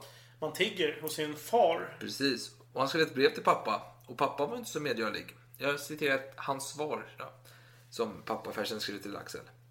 Axel, Axel, det är jag, pappa Fersen. Jag skulle genast samtycka till en plan. Men jag kan inte se någon möjlighet.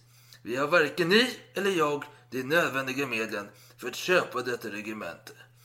Ni säger att ni kan få kredit för att köpa regementet. Låt oss anta att det kan ge er 12 000 livre i inkomst. Därifrån måste man dra 5 000 i årlig ränta. Då återstår 7 000 livre. Nej! Fan! Hur mycket skulle ni behöva? Minst 30-36 000. Har ni dem? Nej, vem ska då bistå med dem? Jag utan tvivel, och jag har dem inte.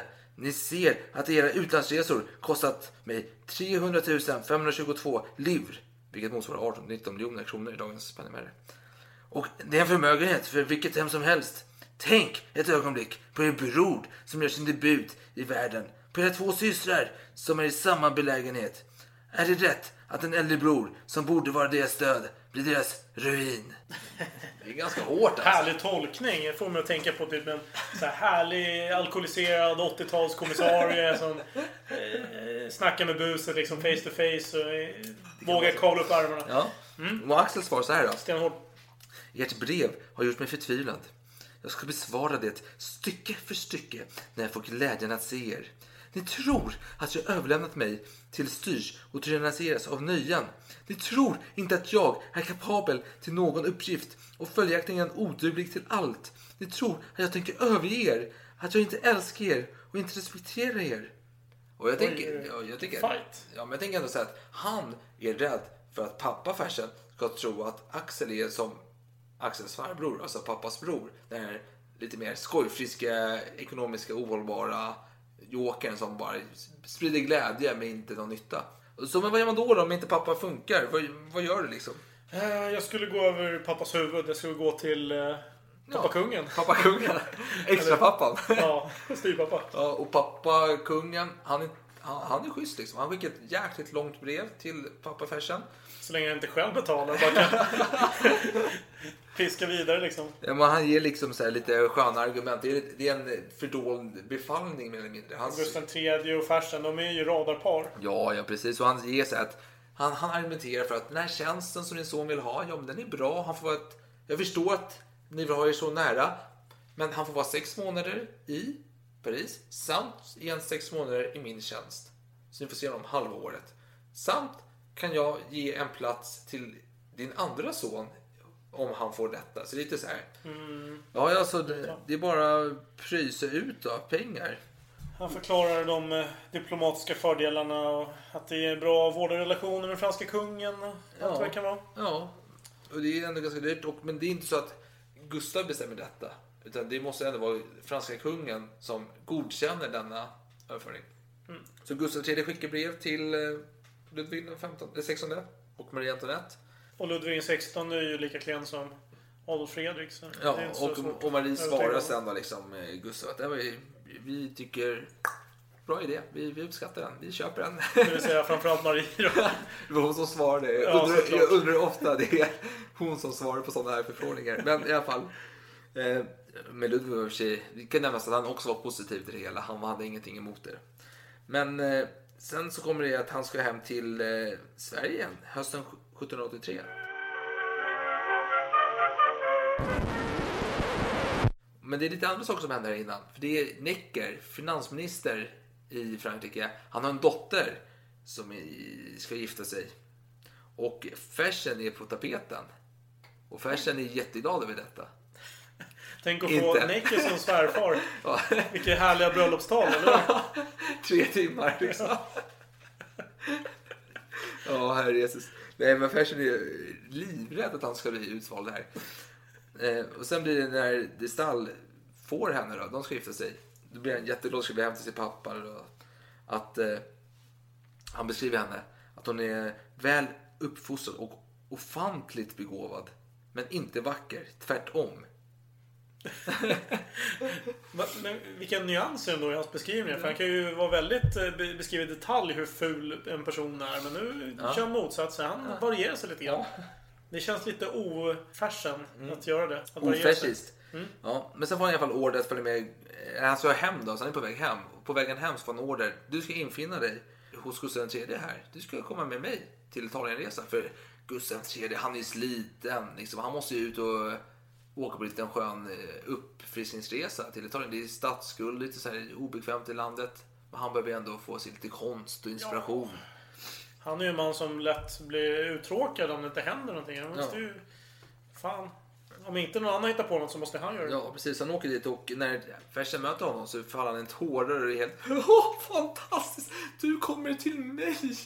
Att du offrar dig, att du kommer till mig istället för att åka hem. Ja, det var en order då, men... Ja. Gustav. Och Italienresan, alltså det var inte som det är nu. Vi åker på Italienresa, vi åker en vecka till, ja, kör tre dagar i Rom, två dagar i Pisa och sen åker vi upp till eh, Milano resten. Det är inte så man gör liksom på den tiden. Nej, jag åker till Verona istället. Ja, de var nio månader i Italien. Han Det är har- lång tid. Ja, det är ganska lång tid. Och utan Marie Antoinette. Nio ja, månader. Nio månader. Och han har ju på sig sin Cincinnati-orden här, eh, Gustav. Nej, eh, Axel. Aj, aj, aj, aj. Och Gustav blir ju upprörd. Vad fan, du kan inte ta emot denna order och bära den. Liksom. Det är ett folk som har rest sig mot sin kung. Du sitter och tar emot detta skit liksom och bär den frivilligt. Så han godkänner väl säkert att Fersen åkte till eh, amerikanska... Ja, ja, ja. Okej. Och, principen. och kungen, Principen. han, kungen alltså, vet, han, han hetsar ju upp sig själv, jag tänker. Ja, han blir bara, argare och argare. Ja, han bara, vad fan. Och det är bara kungar som kan ut till, ge medaljer och ordrar liksom. Och Fersen, han är ju kolugn. Så han bara, hörru du Peppe. Eh, det är ju faktiskt tyska orden. Ja, Malteserorden. Malteserorden finns ju Ja. och det, det utdelas ju inte av kungen. Nej, utan- precis. Och nu blir kungen, han, alltså, det här är frustrerande. Jag får nog! Han blir galen här, liksom. Så han, det är lite så här hetsig stämning här. Så, eh, lite försöker lugna ner situationen. Så kommer de fram till en kompromiss. ja. Eller rättare sagt, Gustav III bestämmer sig för att okej. Okej, du får ha på dig den om du inte har på den i min närhet. ja, och det kan ju Axel... Men jag måste bara nämna, för det är lite intressant. För den, denna historia beskrivs utav eh, Herman Lindqvist. Och jag har inte stött på den annanstans. Men dock, Hedvig Elisabeth Charlotta skriver en liknande historia som utspelar sig 1805 i, när Fersen är i Dresden och eh, är ett hov där. Och då är alltså Napoleon är på höjden av sin karriär. Han är top dog. Eh, Ja, absolut. och då går ju Axel runt där på det här hovet där han befinner sig, ett tyskt hov, med en order han har fått som protestantiska soldater fick i franska armén. Och då är det en så här fransk diplomat där som går till eh, kungen där och beklagar sig och säger att Napoleon har förbjudit att man bär order från gamla tiden. Och det här kurfursten, han är oj nej Napoleon, han vill inte stöta mig med så han går till Fersen och säger att du får inte ha på, mig, ha på dig denna. Och Axel bara, jag kan inte ta av mig den. Jag fick den inte av Ludvig den 16 och han är kung och älskvärd. Jag kan inte, jag kan inte ta av mig den. Det går Aj, inte. aj, aj. Så han säger så här, men vi kommer överens. Jag håller mig borta från dig istället. Så det finns ju ändå, jag tycker det är likheter med de här historierna liksom. Ja, absolut. Så jag undrar, ja, vi låter det vara. Vi Nej, behöver inte säga men- mer än så. Det är ju ändå till hans fördel skulle jag säga att Fersen, även om nu de här huvudpersonerna har blivit sänks totalt i allmänhetens ögon så fortsätter han att eh, känna stolthet över det. Ja, ja. Så, alltså, just Ludvig 16 var ju inte kanske omtyckt nej, på den tiden. Och det blev ju hans, lite, alltså, det är en del av hans fall också. Om ni lyssnar på avsnitt 5, Fersenska mordet. När han har Serafimerordens blåa band. Och han väljer att ta av sig den för att han fick den utav salig kungen. Ja, bara en kung kan ta den ifrån Ja, precis. Men han skrev mycket brev under den här tiden till en Josefin. Och Josefin har vi inte nämnt tidigare i detta avsnitt. Vem är denna just Josefin? Jag vet att jag i eh, en flashback svarade Ja, Om du får gissa här. om jag får gissa. Det det här låter ju helt sjukt men eh, Napoleons fru. Nej. Men jag råkar veta svaret. Det är ju såklart Marie Antoinette. Precis, de har lite kodord för varandra. Det är också lite hett liksom att man rollspelar iväg här. Men eh, trots att eh, brevväxling kan inte ersätta den fysiska kontakten för Axel. Så han träffar en Emily Cooper. Så han umgås med där nere. Och eh, de hade ett ganska livligt eh, samliv tillsammans där när han var i Italien. När han var i det området de var i, jag tror det var Toscana-trakten. Men Han skulle åka iväg och hon började gråta och hon tycker den här Axel är så underbar och mysig. Och han bara, men älskling, jag är inte långt borta. Och vet du vad? Jag skickar en tavla på mig själv till dig. Ja, just det. Skicka tavlor av sig själv. Ja. Eh, förlåt, det här är en väldigt osmaklig jämförelse. Ja. Men det finns ju ett begrepp i nutid. Ja, exakt. Jag Var, var det känner... en sån tavla menar du? Nej, det, det menar jag absolut inte. Men jag menar att... Eh, Så någonstans i Europa finns det en tavla så här, inramad i guldram med Axel och Ferses könsorgan Nej. till Elisabeth Cooper. nej, man får ju tänka tillbaka några hundra år och då tänker man att det var lika... Vader eller vadå? Nej, men ett porträtt med ansiktet det var lika uppseendeväckande som ett porträtt på könsorganet. Det var det. Nej, men eh, jag, jag tänker lite de termerna. Ja, Ja, men, okej. han, försöker skicka, han skickar porträtt till alla kvinnor i stan liksom. Ja, det är väl för det sättet han åker vidare och träffar en Elisabeth Foster. Och där, när de ska, de har ju samma sak med som Emily Cooper. Han har ju trevligt med henne. Mhm. Och de åker därifrån. Hon börjar gråta. Han skickar en tavla. Ja. Alltså, fast den här dickpics-liknelsen Nej, funkar den inte. funkar inte för det är ju mer för lockan. Ja, precis. Det här är efteråt för att trösta. Ja. Alltså det är som att man idag ska skicka så här en, en du får rabattkort på Ben Jerrys liksom. Du får tusen kronor i glass liksom. Ja. Tröstält liksom. Jag är borta. Alltså jag undrar vad... Han måste ju ha anlitat någon konstnär, någon sån massproducerare som gör jättemånga så här fashionporträtt så han får en bra rabatt på. Ja, precis. Eller hur? För att Ja.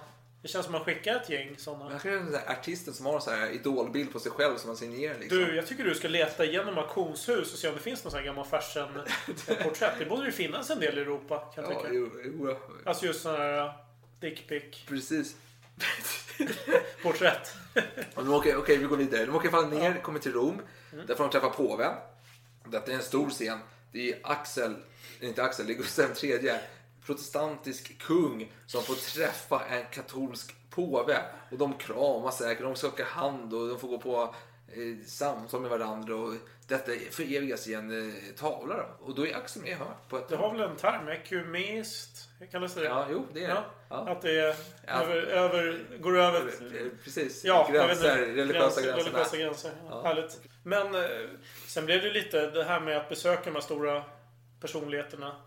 Det är mycket ceremoni. Man får bara någon... Eller jag ska inte säga att man bara får Men det, det är mycket så här. Ja, nu får du en medalj för Ja, att du har jo. besökt mig. Ja, det är jo. lite som så här. Ja, jag har varit i Ibiza. Jag har köpt en, en eh, liten souvenir. Ja, men jag tänker så här, så här lekland, liksom, du får ett, ett diplom eller något sånt där. Ja. Ja, men det är lite den nivån. Det är faktiskt, man får en skön medalj och man kan gå hem och visa upp sig. Säkert många mutor inblandade tänker jag. Ja, ja. Framförallt för det här porträttet. Ja. Okej, hur, hur mycket kostar det för att få påven att stå i tre timmar nu? Eh, har vi råd med det Gustav? Ja, får vi spara på barndaghemmen. Oj, Bo Widerberg. Mannen från Mallorca. Se den. På en bio nära dig. För 20 år sedan. men 30 så var det typ. På den tiden. Och eh, de kommer till Paris till slut. Och eh, Fersen skriver hem om att de har de drunknar i nöjen och eh, angelägenheter. Det är mycket party, party och teater, teater. Upp till tre, fyra föreställningar per dag gick de och såg. Mycket jobbigt. Det låter som att han måste beklaga sig över det. Ja. Ja, det är ett hårt liv att se på teater tre gånger Ja. per dag. Och när de kom till Paris så var det så att eh, eh, Gustav III var ju ganska busig av sig. Han kom ju ut en... Direkt, han åkte direkt till Versaillesslottet när han kom dit. Ingen hade förberett dem på att de var där. Så Ludvig 16 var ute och jagade. Så han fick ju höra så här, oj, svenska kungen är i Versailles, du får åka tillbaka. Så han red i full hast liksom själv. Så skulle han klä på sig, det fanns inga betjänter. Så han fick klä på sig själv. Och gjorde att han jättetokig utstyrsel. Så började Marie Antoinette så här, reta lite så här inför alla. Liksom. Så, Jaha, du klär dig så här liksom. Och håna honom. Men sen fick ju hon smaka på det hårda brödet. För eh, det var så här, att hon var ju på Trianon och lekte sina lekar. Och så, sen helt plötsligt kom Gustav, den tredje dit, oanmäld. Jaha, oj. Och sen bara, jag ska äta lunch här. Mitt i Norge så här. Jag, ska, jag tänkte käka min eh, lax här. Är det okej eller? Och så är det full rulle där och... Fan, eh, Sodom och Gomorra och den här italienska regissören. Vad heter den där? Kommer inte ens ihåg Ja, ja. Han som gör de här sjuka filmerna. 70-talsfilmerna. Ja, du vet att det var som skrev boken satt i Bastiljen och blev frisläppt under 14 juli 89. Var det Marquis de Sade eller? Han har ju sett för mycket i eh, Trianon kan jag tänka mig. Framförallt när Gustav kom in där och härjade. Levde rövare. Jag måste ta en paus, det går inte.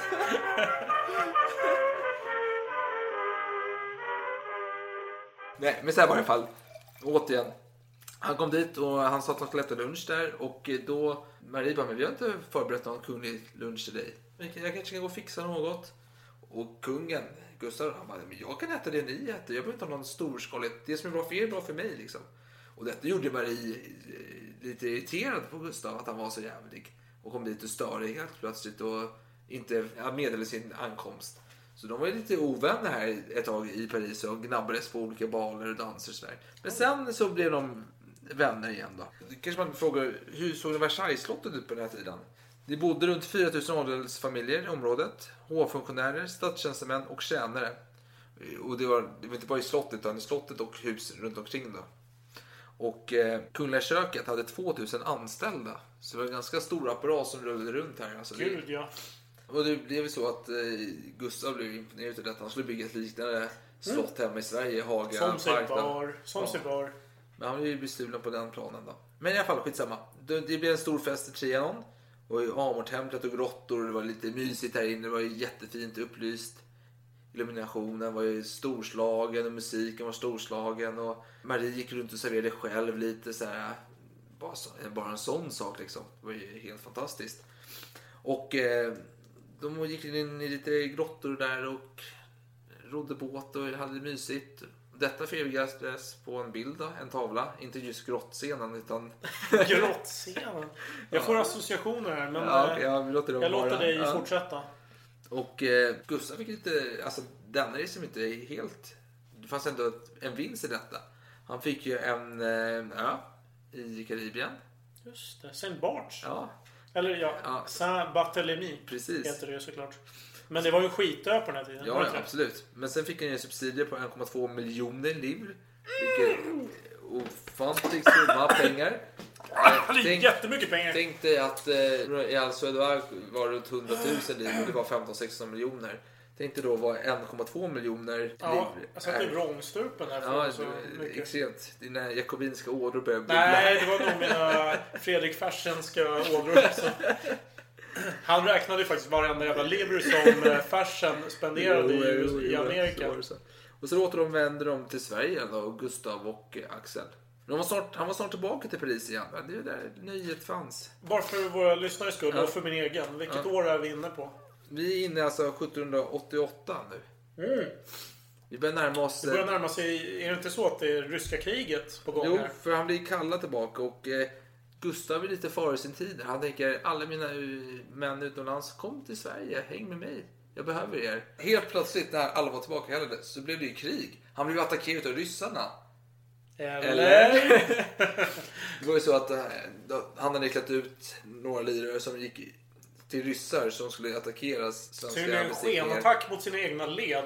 för att kunna för, få förklara krig mot Ryssland. Ja. Och då var ju Fersen med här i matchen. Liksom. Han var inte iklädd då ryska Nej, kläder nej, och han eh, han var, han var. Gustav IIIs sida då. Men så blev det andra upproret. Alltså, Oh, de här eh, adelsmännen som gjorde uppror mot Ja. Gustav III. Och han var i panik nu. Alltså, Vänta det, nu. Kommentera lite kort. Vad tycker du om de här Angela-männen? nej, jag avstår Och kommentarer. Hästesko, han som blev avrättad. Ja. Någon kommentar på det? Nej, Nej, vi kör vidare. Jag, jag avstår. Eh, Jag, jag behåller de eh, åsikterna för mig själv. Eh, I alla fall, men nu, nu var han ju hårt ansatt här, Gustav III. Mm. Han hade adelsmännen svikit honom. Ryssarna höll på att kriga mot honom. Och då kommer danskarna in och, Såklart. och, tar, Göte, Profitörer. och tar Göteborg. Och han säger Jag är befriad! Jag är räddad! Och Armfelt bara, du är dum i huvudet. Och sen erkänner Armfelt att Gustav III såg någonting som inte han kunde se. För att Gustav III är mycket större än alla andra människor. Gustav III såg sin chans här. Här är vi arvsvinet, danskjävlarna som kommer in här. De har vi alltid ett hat mot. Så han åker ju till Mora och sitter och håller tal där. Bara, ho, ho, ho, följ med mig mina adelsmän är värdelösa så jag behöver ert stöd. Så han tar med sig några tusen män och tågar ner mot Göteborg. Och intar staden där. Och då är Fersen med där på vägen. Men sen får ju Fersen ordern att åk till Paris. För stallmannen då, har blivit ambassadör. För det var en del av eh, dealen för att bli, förgifta sig med Neckers dotter. Att han skulle bli svensk Ja, det är ambassadör. fortfarande på tapeten alltså det här. Med Ja, men Desal, Desal blev ju gifte sig med dotter. Jaha, det var han som fick göra Ja. det. Han som fick den olyckliga lotten. Ja, fast han hade ju kämpat hårt för att få den här Jaha. lotten. Och, men då var ju en dealen var ju att han skulle bli svensk ambassadör. Det var Neckers eh, grej liksom. Han krävde det. Men i alla fall. Och Gustav litade inte på honom för han hade lite, sköna ås- lite osköna åsikter om jakobiner tyckte Gustav. Så han behövde en spion på plats. Och vem är bättre lämpad att vara spionen? Fersen? Han är genialisk i den rollen.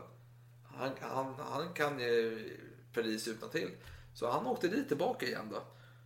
Och nu är det lite, lite känsligt här. För nu börjar det uppror närma sig här i Paris. Ja, nu börjar vi närma oss eh, revolutionsåret 1789. Ja, och jag tycker vi avslutar här för del 1. Mm. Eh, Så får vi fortsätta i del 2 och gå igenom revolutionstiden. Ja. Ja. Så tack för, ni, Tack för att ni lyssnade.